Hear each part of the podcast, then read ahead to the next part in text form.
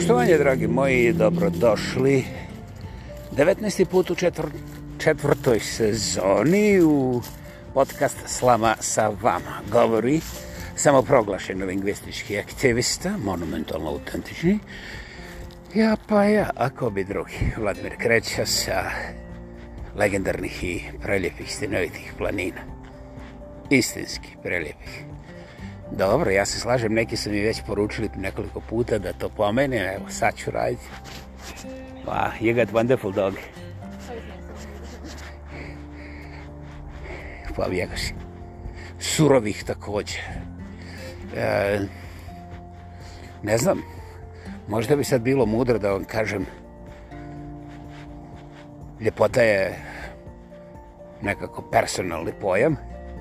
Međutim, pošto sam ja ovako mlad, jedva sto godina, fali mi još jedva dvije, tri decenije do te brojke, ali stiću ja, stiću ja, ako preživim. U moje vrijeme, dakle, znači u predhistoriji, pleocenu, miocenu, šta ja znam, kenozoiku, bože moj, a ovaj, bila je jedna drugarica čije su noge bile onako ravno do ušiju, i ovaj sa kratkom sukicom koja nije bilo ni do ovih gležnjeva i ona se zvala Helepa Brena. I to je ja mogu govoriti za moje društvo i ove, ove novne koje smo mi kupovali bilo ono baš uf, ah i tako dalje ljudi su se ozbiljno znojili mislim kad vide uši mislim ne noge nego uši ovaj dakle ljepota je kako bih rekao taj nekakav personalni moment u životu svakog od tvornožnjaka, jeli? I nekih drugih, ali o tome nećemo. Međutim, ovaj, ako pogledamo kolika je ta lepa brena bila, jeli, za moje društvo, ja ne znam, neću da vaše selo, u vašem selu vi ste gledali Mariju Klasić, šta kažeš, Kalas? Ok, Talas, Marija Talas, Barija Talas, dobro, nećemo dalje, već, već smo potopili. Ovaj, kažu da se... ja, ora, dosove, nećeš mi vjerovati. Ako odeš, ako odeš na B92.net, naćeš tamo imaju podzemne brodove. Kineska podmornica se u augustu, to tek sad kažu, zapetljala u lance, u žuto, potopljenu žutu moru, koje su postavili Britanci kontra podzemnih brodova. Ne, ne, dobro ste mi čuli, ovo je tkeći rilica, znaš. ja znam da ne vjerujete, ali eto, ja sam baš u komentarima gledao da li će neko primijetiti. Nije, ništa od toga. Ovo nije razlika pameti, gospoda, samo eto. E, ja vas posjećam da milion stvari ne vidite. Ja e, sad vratit ćemo se ljepoti i ja sam za primjer uzeo lepu brenu, ali samo u mom selu, ne u vašem selu. U vašem selu je ona Kuri Atlas. Kako, šta kažeš? operska diva, to je najbolje da je ne Marija Kalas više nego to. Vi ste se oduševljavali kako je ona seksi kad rudi. Ja! I ona! Mislim, ali slatko se više, to se vidi seljačina. I ovaj... Znači, lepa vrena je bila lepa. To je isto što ja kažem da su ove stjenovite planine lijepe. I onda prije toliko i toliko vremena su ovi i oni meni pomenuli tu riječ surova i sad sam ja uzeo tu ljepotu stjenovitih planina rekao i surove stjenovite planine a isto sam tako ja sam dosta široko i sve nahvatno i nikad dohvatio lepo vrenu jel? objasnijem da i ono brate bilo lepo jeli prije 35 stoljeća ili 35 godina šta je znam sve jedno isti vrag i da su u mom selu su imali ono zacrvenjene uši kad se ona pojavi kad uradi čačak, bračak i šta je znam, ne samo brač, nego cres, rab, krk i ostalo. Osobito krk, ko može. Ovaj, i... Da, lepa vrena je bila lepa i... I surova, znaš. Mrda, vrata, onom... Tako, bluzom, šta kažeš, guzom? Dobro, bluzom, bluzom, buzom. I ovaj, mrda i... i ljudi se obluču, ode im cijela plata i dođu kući na razvod braka, ali lepo brenu osim očima, ničim drugim ni dirnuti nisu mogli. Prvih 50 godina, poslije toga nisam pratio. Dakle, na primjeru Lepe Brene, isto kao na primjeru Raquel Welch, možete primijetiti jednu te konstantu. Ljepota, nema upitnika. Surovost, hm ni pomena od bilo kakvog upetnika. Dakle, onda ja mogu mrtvo hladno da kažem stjenovite, legendarne i prelijepe surove planine. A kome treba objašnjenje zašto su planine poslije 49. meridijana surove? Pa, eh, ako bi spomenuli prosječnu nadmorsku visinu od preko 1000 metara, blizinu unobstructed vicinity of North Pole, eh, jeli, sve te struje muje guje, ali, hm, da, prosječna temperatura godišnja, minus 12. I to je odlično. Međutim, problem je što se ljeti temperature penju preko nule, a zimi, zimi su toliko duboko da ih ja ne želim ne gledati gdje su, jer eh, malo mi muka ovaj, i vlaže mi oči od, te, od tog jada i bijede koliko je to duboko u minus, et, eh, da ne idem u detalje. Sad znamo sve o surovosti, Idemo dalje ovih dana. Još jedan kolega iz moje generacije a, ostao bez potkoljenice, odrezalo mu nogu. Ne, ovaj nije bio na rat, u ratu, nije ovaj radio nikakve bezobrazne i nedopuštene stvari, ali mi mladi, sad ćemo biti stogodišnjaci, jeli imamo izvjesnih problema, a to je takozvano tje zdravlje. I onda, mislim, meni je najzanimljivije kada se ljudima razgovaram i kažem im šta ja radim u ime tog zdravlja. O, ja bi sad rekao ime toga gospodina, ali neću, neću, on je jedan jedini, neću da ga uvlačim u ovu bagru. On je naravno naš čovjek, ali svi ostali takozvani naši čovjekovi su se sprdali vrlo brutalno, ravno u facu moram priznati. Šta ja hoću, šta ja tu serim, šta ja njima tu pro, pro, pro, povedam? Naravno, ja nisam nikada stigao da kažem više od rečenice dvije, bez obzira koliko sam ja brbljiv, jer e, Slobodno provjerite, a vi koji kažete da je drugčije, molim vas, evo imate link dole pa napišite da ljudi znaju. Kada mi čovjek kaže za čep ili šta će to meni ili ovako ili onako, ne treba mi reći treći put. Ozbiljno. Toga nema.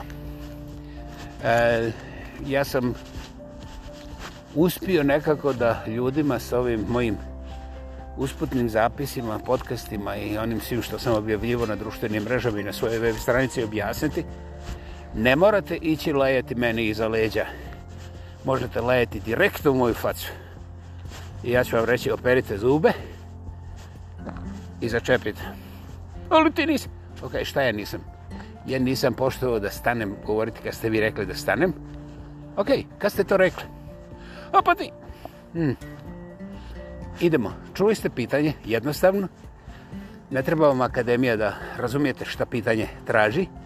Mogu li dobiti odgovor? Pa ti nisi. Ha. Ne možemo. Nema mrvice poštovanja. Prema vam, vas prema vama. Dakle, sa mnom više ne možete razgovarati, gospoda. A oni koji su se osudili odgovoriti, oni su odgovorili... Hm. Pa sam ti rekao jučer. Aha. Jučer, interesant. Ja sam jučer bio 300 km sjevernije odavde i ti si to meri rekuć. Pa ne baš jučer, nego tamo neki dan. Aha, koliko puta smo se sreli ovog mjesta? Joj, sad ti se ovdje... Ne, ne, mogu li dobiti odgovor? Koliko puta smo se ovog mjeseca vidjeli? Ovako uživo, kao sada. Doviđenja, onaj drugi. Pa nismo ovog mjeseca. Aha, ali ti znaš da si mi rekao ovoga mjeseca, a mi se nismo nikako ni sreli. Dakle, šta ti želiš? Uh, hoću vam reći, to je moje životno iskustvo, znate. To je moje životno iskustvo. Kao što vidite, ja ovdje nisam deklasificirao nikoga. Iako sam mogao, ima tu imena, ohoho. Međutim, ono što meni nije interesantno, nego je ovako ogavno, ali me više ne pogađa, samo nastavite, je što taj naš čovjek je jednostavno morao ispaliti iz našeg društva da bi ja mogao početi disati. Jer... Uh, Bogu, Bože moj, Bože hvala, jeli, laže mi ja. Kažu, kažu ove statistike da svako od nas, znajući ili ne znajući, laže svakih 10 minuta, barem jedan put, to je taj statistički neki broj. Pa sam je onda razmišljao i dodatno čito i bogovi, bogovi vam neću reći moj komentar. Ne zato što se plašim da ne slažem malo više puta u 10 minuta, na, nego zato što ako hoćete bilo što da komentirate, onda morate provjeriti taj izvor koliko je kredibilan. A pošto imate sve ove compeutere, teflone i šta ja znam koje bufone, izvolite. A ako ne želite provjeriti, onda molit ću lijepo tišina. Piškenje pa na spavanje, ok? Eto, voli vas Čića Mića, ali ovo nije završena priča, idemo dalje. Dakle, E, jedini način za taj dijalog je bio monolog. Znači, slušaj stoko, s Bogom, ljubim te u oko, koje god da je otvoren, nije ni jedan, Bože moj, oni su uvijek bili slijepci, ostaju slijepci i ova ja u tome ne uživam. Ja ne smrtam da sam iznad, još manje sam ispod, a nikada nismo bili u istoj ravni, to je sada E, neosporno. Dakle, gdje se ja nalazim? Znate, morat ćete uključiti svoje mozgove da razmišljate izvan binarnog zatucanizma, a to već nije predmet ovoga podcasta. Možda ćemo se spomenuti nekad, negdje i tako dalje. Dakle, evo nas ponovo uz jezero, čujete ovo je moje društvo, kva, kva, gu, gu, ga, ga, ga, kva. Wow.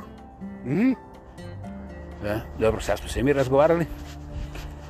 I ono što ja želim reći je demokratska, demokratska skrojnica, skrojnica kao od skrojiti. Ali primijetite, neću vam reći sve. Demokratska skrojnica je u stvari lansirana na društvenim mrežama, naravno. To je moja sklepote na, na koji sam ja vrlo, vrlo ponosan. E, slobodno možete piškiti, ona je piško otporna i sve ostale stvari, to neću sad da navodim. A da prostiš guz papira nema, pa onda možete i ovoga, mislim, ako vam se, jeli, ide okolo u smrljivim gaćama, ha, zašto ne? nema gadosti koju naš čovac ne bi mogao ovaj, glatko i slatko da isporuči pa taman upo u njurku kanalizaciju za vrijeme poplove. Eto, toliko o tome. Međutim, mi dobro znamo da su to sitnice. I normalno, ne uzbuđujemo se oko sitnica, jer mi čekamo velike stvari da bidnemo uzbuđeni.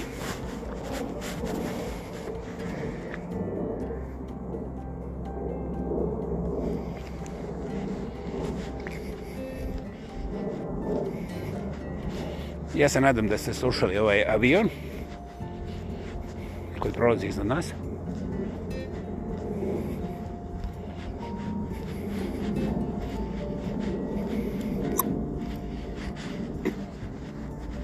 Naravno, da imate sluh kao moj, onda bi čulo puno, puno toga. Ako vam ja kažem šta sam čuo, onda ćete vi odmah da dokažete da to nije tako to. Divote, ne zaboravite, ja sam malo čas vrlo, vrlo odvorno rekao sa takozvanim našim čovjekom nema šanse ovaj, osim rat. Tu je pošteno rat. Silovanje, pljačkanje, potpala, klanja. Razumiješ, to je sve onako otačbinski pa domovinski pa onda razumiješ da junaštvo i vi te što mislim nećemo mi sad tamo ko neki amerikenci o demokraciji i širenju demokracije. Na, mi znamo, odvoj mamu, pa i tatu sad, mislim, sad je to moderno luđe, pa to pa te. Ovaj, pa onda sve skupa u krug, pa onda zapali opnjačkoj, pa onda, mislim, čisto oslobodilački, jel? Mislim, mi smo se uvijek branili, čak i kad smo pljačkali. Ovaj, branili smo naša opljačkana dobra da ne budemo reopljačkani, znaš, Iako je to stiglo malo kasnije kad se razavršio, onda su naš njihovi otišli tamo, a naši ostali ovdje, onda jedan dio naših koji nije dosta toga, mislim, ovaj, otuđio, to je približio sebi, nastavlja da se demokratski ovaj demokratizira, jel? da se snabdjeva sa tim sredstvima tog nacionalnog oslobođenja i demokratsko-slobodarskih aktivnosti. Eto, to je to. Okej. Okay. Znači, to smo naučili. I to se zove čisti demokratski ovaj, socijalni... Mislim, ne, ne, ne, ne može, ne može, demokratski i slobodno, da, to, to. Ovaj, a kad nam zatreba neka baba roga da otiramo ove te neke male krtičare koji jedu marmeladu i spominju nekakve pravde, mislim, onda mi, bum, fašizam, fašizam. I odoše, ako ne radi fašizam, mi njima komunjera, komunjera. Komunjera. kao što vidite, komunjere, fašizam, pa fašizam, komunjere. Znači, pencili ne možeš tako da radi, ozbiljno. I ovaj, i onda na povrh svega samo, bajadero, bajadero, ne možeš ti meni. Ako ni to ne radi, ne možeš ti pojma šta će da uradi ovaj eh, skrtin, krutin. Da nije ponovo neki murat jebote miš, jer ako ima murata to mora biti negdje i onda ovoga... Marka Kraljević.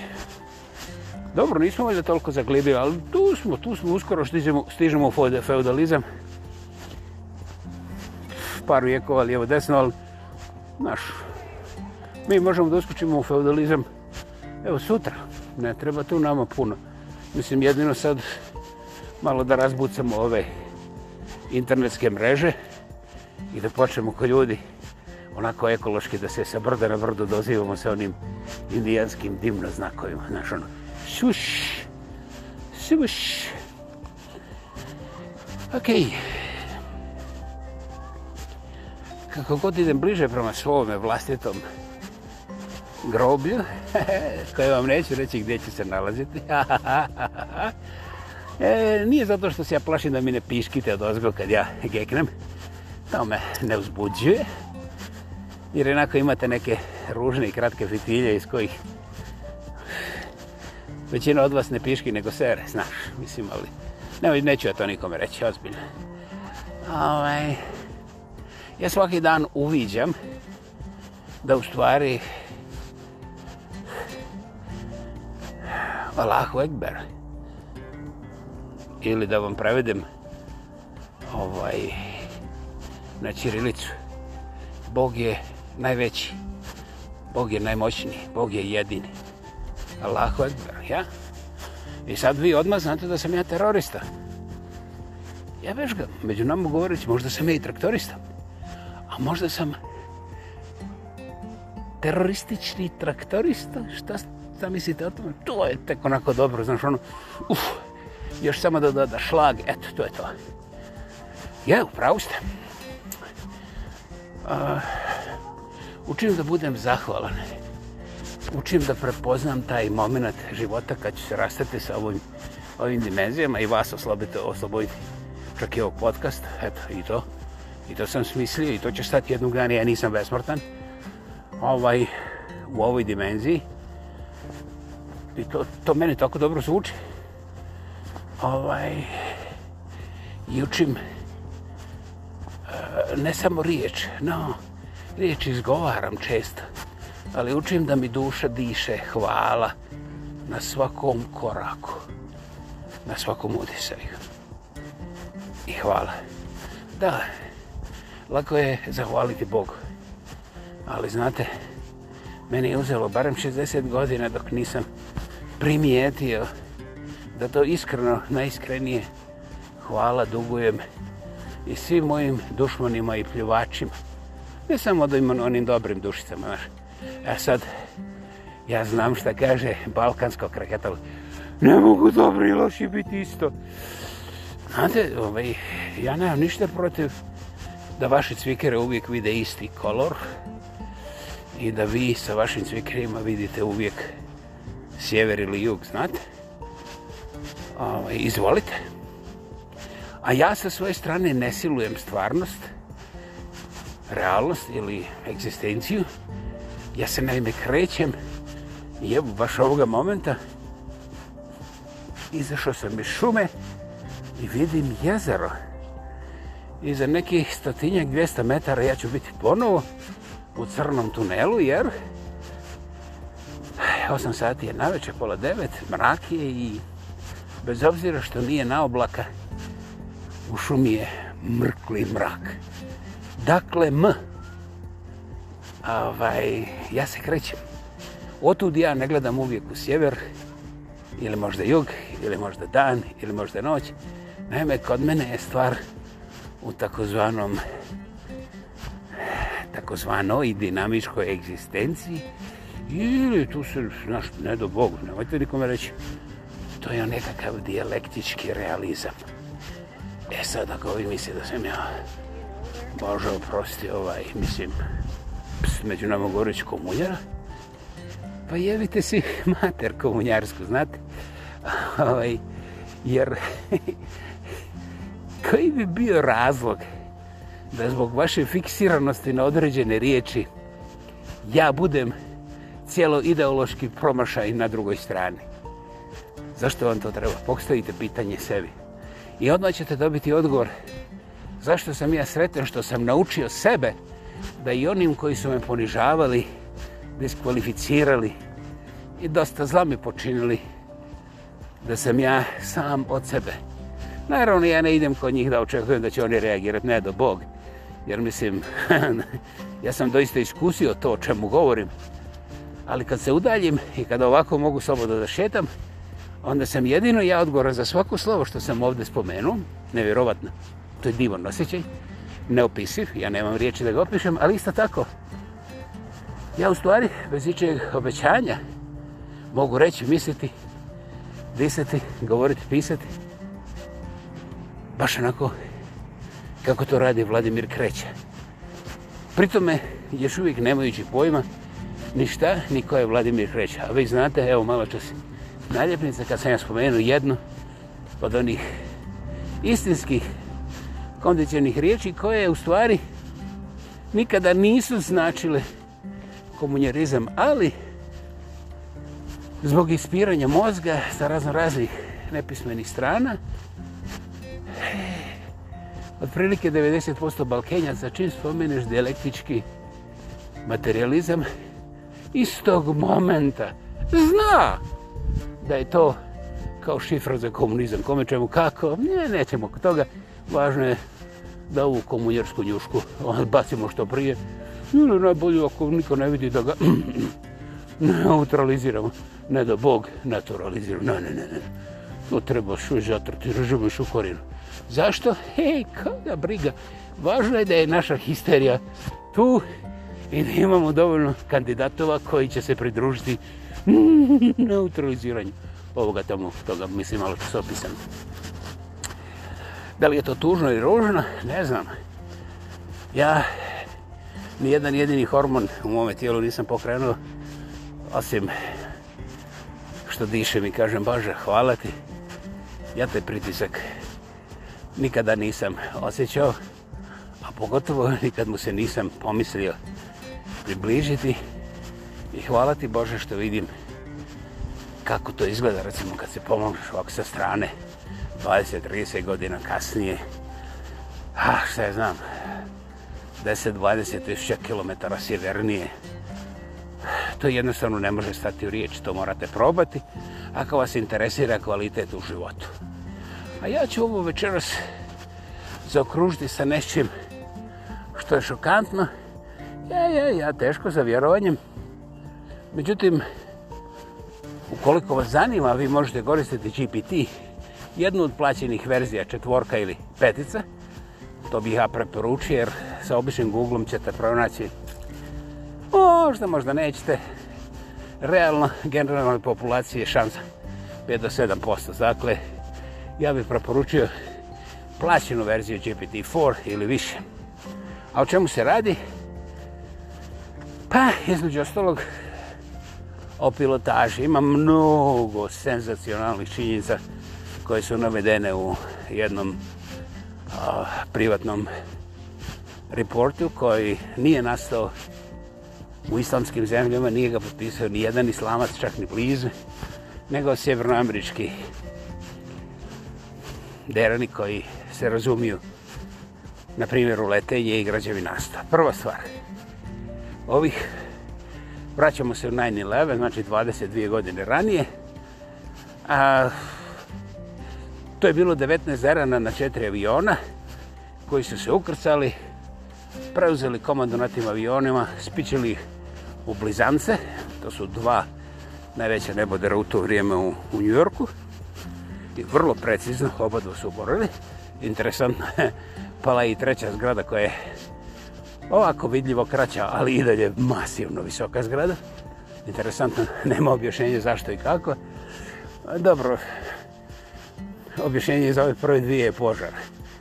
Što je vrlo interesantno, ali pošto je statika i termodinamika kompleksna materija, ne pada mi na pamet da skrećem pozornost na masivne nelogičnosti koje očigledno običan narod bez obzira što bulji nikad neće vidjeti. Mislim, I kad mu objasniš, on će raspraviti, ma daj, oni su snimali, nisu bili na Marsu i tako dalje. Slušaj, ja se, ja se slažem da nisu bili na Marsu. Ma ne, ne, ne, misle su na mjesecu. Dobro, onda nisu bili ni tamo, eto. Dakle, jedan prosječan čovjek, obično nije prisutno u svojoj koži, ali 80% njih to sazna. A? Nikada. Dakle, čak ni prije sahrane. A šta se dešava poslije sahrane, to nam nisu javili, pa ćemo to ostaviti ovaj put sa strane. Međutim, letenje je vrlo kompleksna materija. Zadržat ćemo se tu.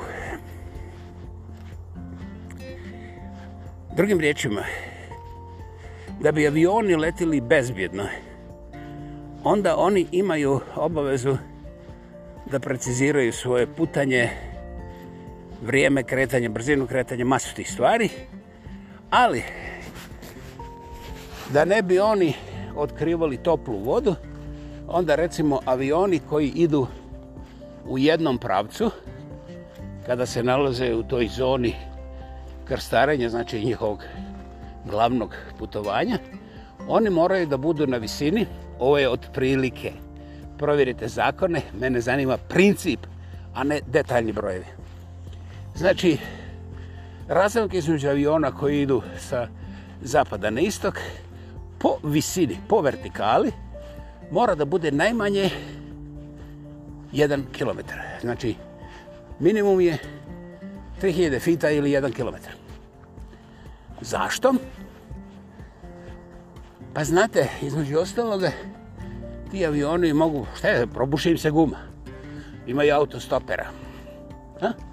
a ono toplo, hladno, ti vertikalno strujenje, horizontalno strujenje, jeste i taj zrak je zajeban zbog temperature i ovog Dakle, šista mira, znači nema probušene gume, nema autostopera, međutim, avion može iz čista mira da propadne u nekoliko sekundi više od jednog kilometra.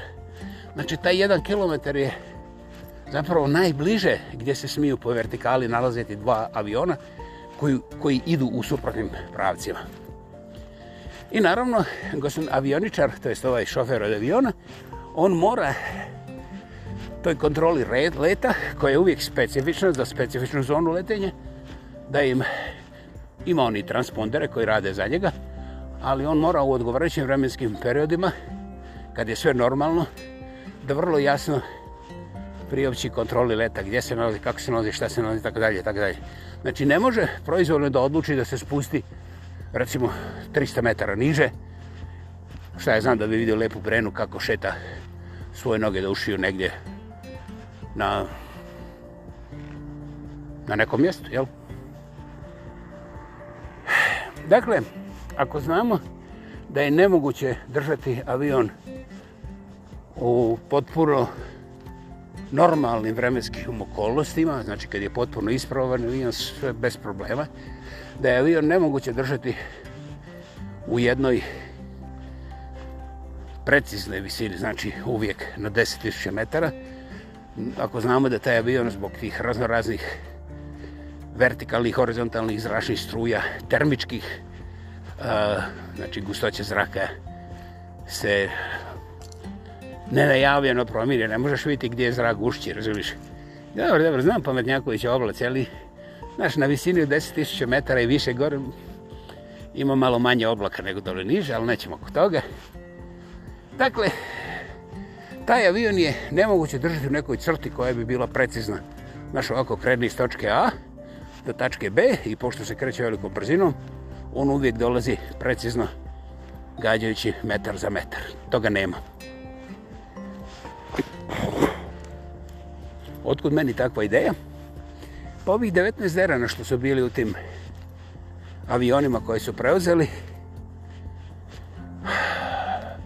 dvojice ili trojice su imali certifikate za letenje i oni su u Koloradu te godine, ranije te godine pokušali da se mimo iđu u onim malim cesnama dvosjedima i sudarali su, umalo se ubili, ali pošto su se sudarali iznad nekog jezera, onda su proživjeli, jedino su uništili avion, interesantno. I ovaj, opet su se uspili ukrcati na svoje avione koji su, kažem, pogodili blizance, to su dva nebodere u Njujorku, onda Pentagon, jedan dio Pentagona kao, i onaj četvrti avion je pao negdje u Pensilvaniji u neko polje. Vama će biti teško razumjeti, ali ti derani koji su optuženi da su to radili u ime islamskog fundamentalizma, jesu imali islamska imena, jesu bili iz islamskih država, interesantno, od 19 storice, 15 storice su bili iz Saudijske Arabije, državili Saudijske Arabije. Ali, svi oni su pili, pušili, špricere, rušili, I ništa u njihovom ponašanju nije pokazivalo da oni imaju islamske korijene, osim jedne činjenice da su bili maleni, neuhranjeni i u prosjeku 152 cm visoki, možda 53 kg teški sa prenosnim krevetom. Zašto ova činjenica? A pa zato što vrlo vjerovatno nijedan od njih nije ni pomislio da sjedne u u kokpit tog strašno velikog Boeinga sa desetinjeg putnika, jer oni nisu imali nikakvog kapaciteta da taj Boeing kontroliraju. Pazite, Cessna je nekompjuterizirana igračka koja je otprilike 50-ak puta 50-ak puta manja od toga Boeinga koji su oni tako precizno zabili u dvije najviše zgrade, što je poseban posao. Poseban posao čak i za profesionalca. Međutim, da ja ne duljem oko toga, ovaj, stvar je zanimljiva. Stvar je vrlo, vrlo zanimljiva. I ovaj, svodi se na to da ostaje onaj film gdje su ovi iznad Pensilvanije zaključili kao da su teroristi ovakvi onakvi, pa su se borili, znaš, narod i zborili su se da ovi taj četvrti avion ne sprode negdje u naseljeno mjesto, znači spasili su nekog dole, znači herojski, to je baš ono slika u Hollywoodu, sve ima dobar završetak. I ovaj, mislim uzbudljivo, jeli? He! Međutizin, ako znate ovo što sam vam rekao o letenju, o tim bazičnim pravilima, onda znate da u takvoj situaciji gdje je potreban mir, koncentracija, oko sokolovo i vrlo, vrlo iskusna, sigurna ruka,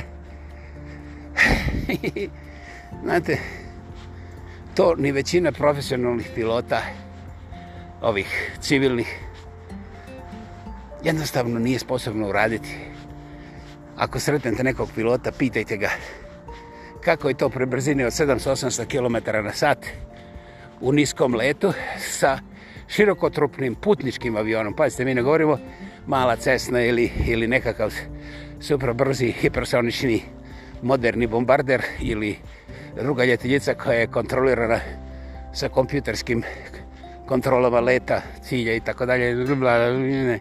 Ne, nego širokotrubni, krmača, obična krmača. Da, taj Boeing je obična krmača koja, eto, u tom momentu štrcala preko 800 km na sat, znate? To je otprilike u jednoj sekundi, u jednoj jedinoj sekundi. Brzina 800 km na sat je preko 260 metara u sekundi. Izvonite, računajte, možda je malo više. Zamislite 260 metara jedna sekunda. To znači ako ste trepnuli krivo, promašili ste gospoda. Njoink! A oni su tri od četiri. Istina, onaj na Pentagon isto bio nekako kila. Dakle, šta rješava misteriju? Ništa. Ništa ne rješava misteriju zato što niko ne želi ništa da se riješi. Zna se zašto je to napravljeno. Međutim, ja ću vam reći ono što niste nikad čuli. Pokušajte oboriti ovu teoriju zavjere. Ovaj, ako znate kako je teško kočijašti takvim jednim takom jednom grdosijom kao što je Boeing, širokotropni Boeing za koliko 250 putnika. Ovaj, I onda naći četiri komada takvih u toj zoni istovremeno. vremeno.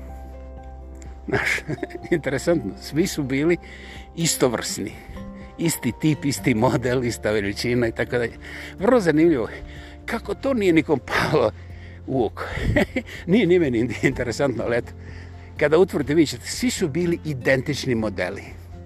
Naravno, ne sa identičnim brojem putnika, ali interesantno, znate, jer te dimenzije, brzine, motori i tako dalje, zbog koordinacije, korelacija i znaš, i tako dalje da ne ulazim u detalje ispošće da ja čak nešto i znam, no, no, no, ne da Bog. Znači, istovrsni, svi su bili istovrsni. I oni, i samo jedan pogreši, i samo jedan promaši. Znači, od tih sat, sat i po, ovaj, dobro, ja ne bi sad postavio pitanje, zašto je tih sat i po, američka super moćna avijacija koja je upravo tu na istočnoj obali ima ono na svakog putnika barem barem 100 ovih fantoma onih aviončića koji idu super zizilijalnim brzinama i šta ja znam šta sve mogu mogu mogu da je bedu ruskinje u sred Sibira da one ne znaju šta im se desilo međutim ne mogu viditi Boeing koji ide u centar New York to je mislim to je čudo demokratske avijacije znate Ali puno veće čudo što od tih 19 jednika koji su kao islamski ekstremisti, nijedan nije bio zajedljivin u islam. Interesantno. Kažem, lokali bili su redoviti gostovi tih kockarnica, korveraja, lokačnica. Izvolite, izaberite što god hoćete. Vino, kraj kraja, ja im ne zamjeram. Ja ih ne podržavam, ja im ne zamjeram. To je mlad svijet koji je odlučio da tako živi. Aha. Pa kako su onda takvi derani u 15 minuta postali eksperti za suicidalne aktivnosti? A, ja mislim da je to lako. Sve je žbombu, jedno tek pući. E, ali ovdje ima nešto što je morbidno kompliciranije, što ja čak ne mogu ni opisati, a to je da moraš 80 tona 100 metara dugački, dugačku mrcinu, znači to ti je otprilike možda 3-4 šlepera, da moraš to zaletiti na brzinu od 800-850 km na sat i pogoditi u jednu malu tačkicu tamo negdje na horizontu koju ako nemaš oko Sokolova čak nećeš ni vidjeti. I druga stvar, u civilnoj avijaciji nema ni jednog jedinog pomagala da te dovede precizno u tu zgradu jer civilni avioni ne gađaju zgrade, nego gađaju aerodrome. Ovaj, kad slijeću, jer ovaj, ako gađaju zgrade, onda neće imati više putnika i jebeš ga da im posao masno propasta. Dakle, u tom nezamislivo kompleksnom poslu njima je pomogao neko drugi. Možda nešto drugo. Ali ja ću vam reći ovo. Znači, četiri potpuno jednaka modela Boeing ovih tih širokotrupnih aviona mogu vam reći još i to. Da se desilo ono što niste čuli nikad prije, a to je da su sva četiri aviona, znači pilot i kopilot, ostavimo inženjera leta i ostale, da su bili veterani borbenog zrakoplostva američkog ratnog zrakoplostva koji su u prosjeku imali barem tri rata iza sebe, različita ili istovjetna, to nije bitno. Znači, to su ljudi u prosjeku sa 12 godina ratnih zrakoplovnih iskustava u najmodernijim borbenim avionima, koji su, fuck, koji su korpulentni, duplo veći od tih svojih napadača i koje ne možeš preplošiti, kažu, stoj, ja sam islamski terorista, sad ćem da te ubijem i da vozim ovaj avion, razumiješ, ko kantu tamo da pobijem buše i ostale ruše, razumiješ. Dakle, to nije moglo impresirirati te dečke koji su vrlo, vrlo, vrlo iskusni borbeni piloti koji su prošli nevjerovatan trening, koji su prošli nevjerovatne gadosti ratovanja tamo gdje nisu imali nikakvog otpora, jeli, širom svijeta i koji su mislili da sada u civilnom vazduhoplovstvu steknu još koju godinu pa da onda idu u penziju jer imaju svi familije. Interesantno, svi imaju familije. I šta ja sad hoću reći da su ti piloti bili ovaj, zato što oni mogu da izvedu to jer oni su tako moćni ovaj, i sposobni i iskusni. Pa znaš, ja mogu da kažem šta god hoću, ali ljudi koji imaju svoje familije, koji imaju ako barem 1000 dolara ušteđenog novca, znači oni nisu gladni i njima ne bi ovaj moglo baš tako lako da se manipulira. I ovaj kao što možda ne primjećujete, ali kako se god okrene, čak i bolesno razumski je neprihvatljivo da bi oni odlučili da koriste svoje sposobnosti za jedan takav ginjusan zločin. Hm. Sad smo eliminirali islamske fataliste, dobro, ekstremiste, džihadiste, kako hoćete, samo pljuckajte ljudi moji, samo ne vidite da se ugušite, ok? Njih smo eliminirali, oni su bili ukrcani i ono što mogu reći također, ali od, ha, to ćemo ostaviti, oni pojma nisu imali da putuju u svoju smrti. Nijedan od njih 19. To što se kasnije nalaze nekakav opuštajne pisme i te stvari, mislim, to je hoka koka džoka boka da se sa ovih pitanja skrenu pogledi javnosti. Opet, nećemo kutavati.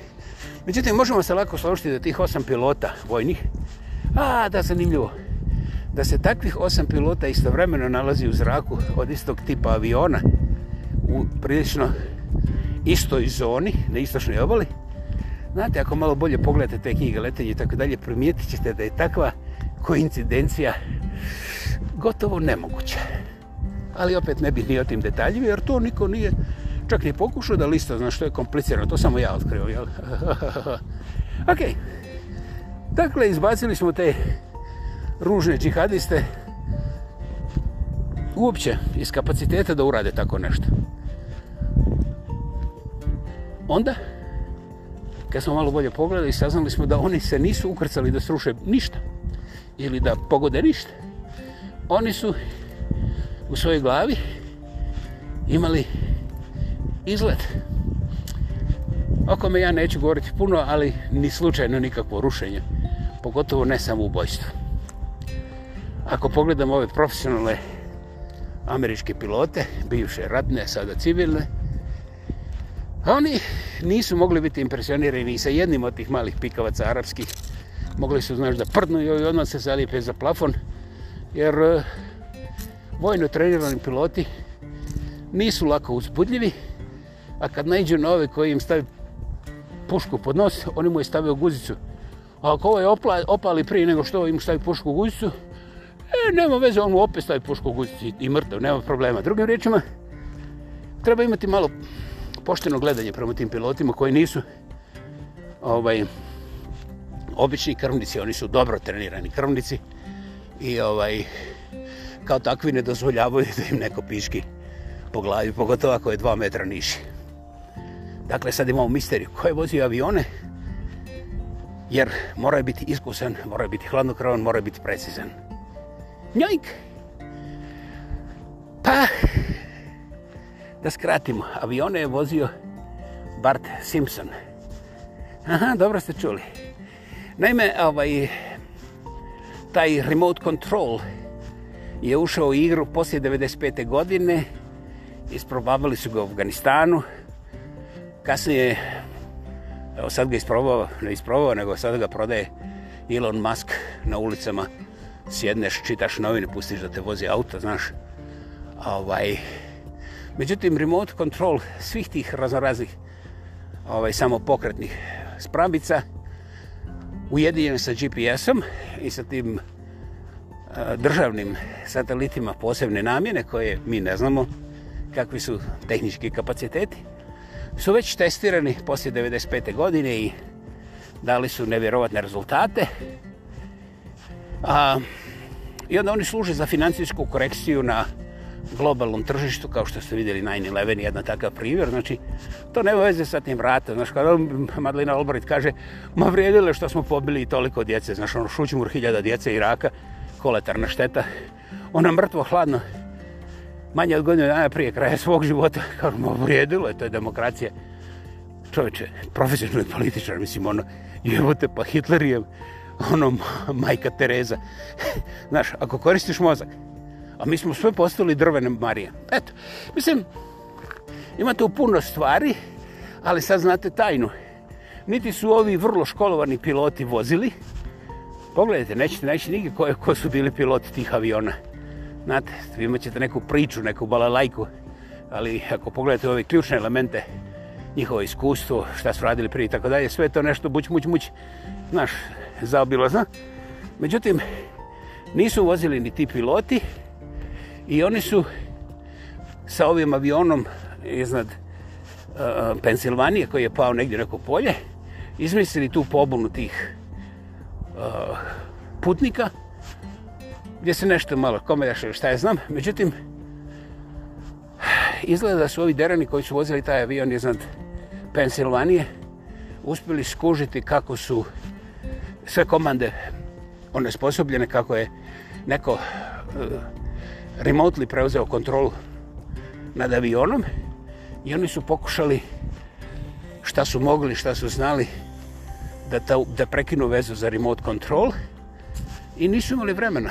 Čak i da su znali da su mogli, nisu imali vremena, ali za to vrijeme je ovaj, cijeli avion znao šta se dešava i otuda ob, objašnjenje za te telefonske pozive i tako dalje, koliko je stiglo tu. Međutim, to se uklopilo odličnu priču o toj epskoj pobuni naroda koja je ne želeći svog života riskirala i svoje sve da bi spriječila taj četvrti avion da pogodi još neku zgradu više što to, to, to se to baš onako hollywoodski uklapa se međutim ta dva pilota u tom avionu iznad Pensilvanije su skužili i pokušali su da prekinu tu vezu između aviona i tog nekog kontornog centra, Jesko je bio u Sijatlu, nije bio u Kaliforniji, interesantno.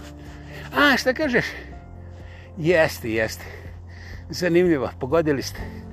Ti Boeing, Boeingovi govgizi se, se proizvode u Sijatlu ili tu. Ja.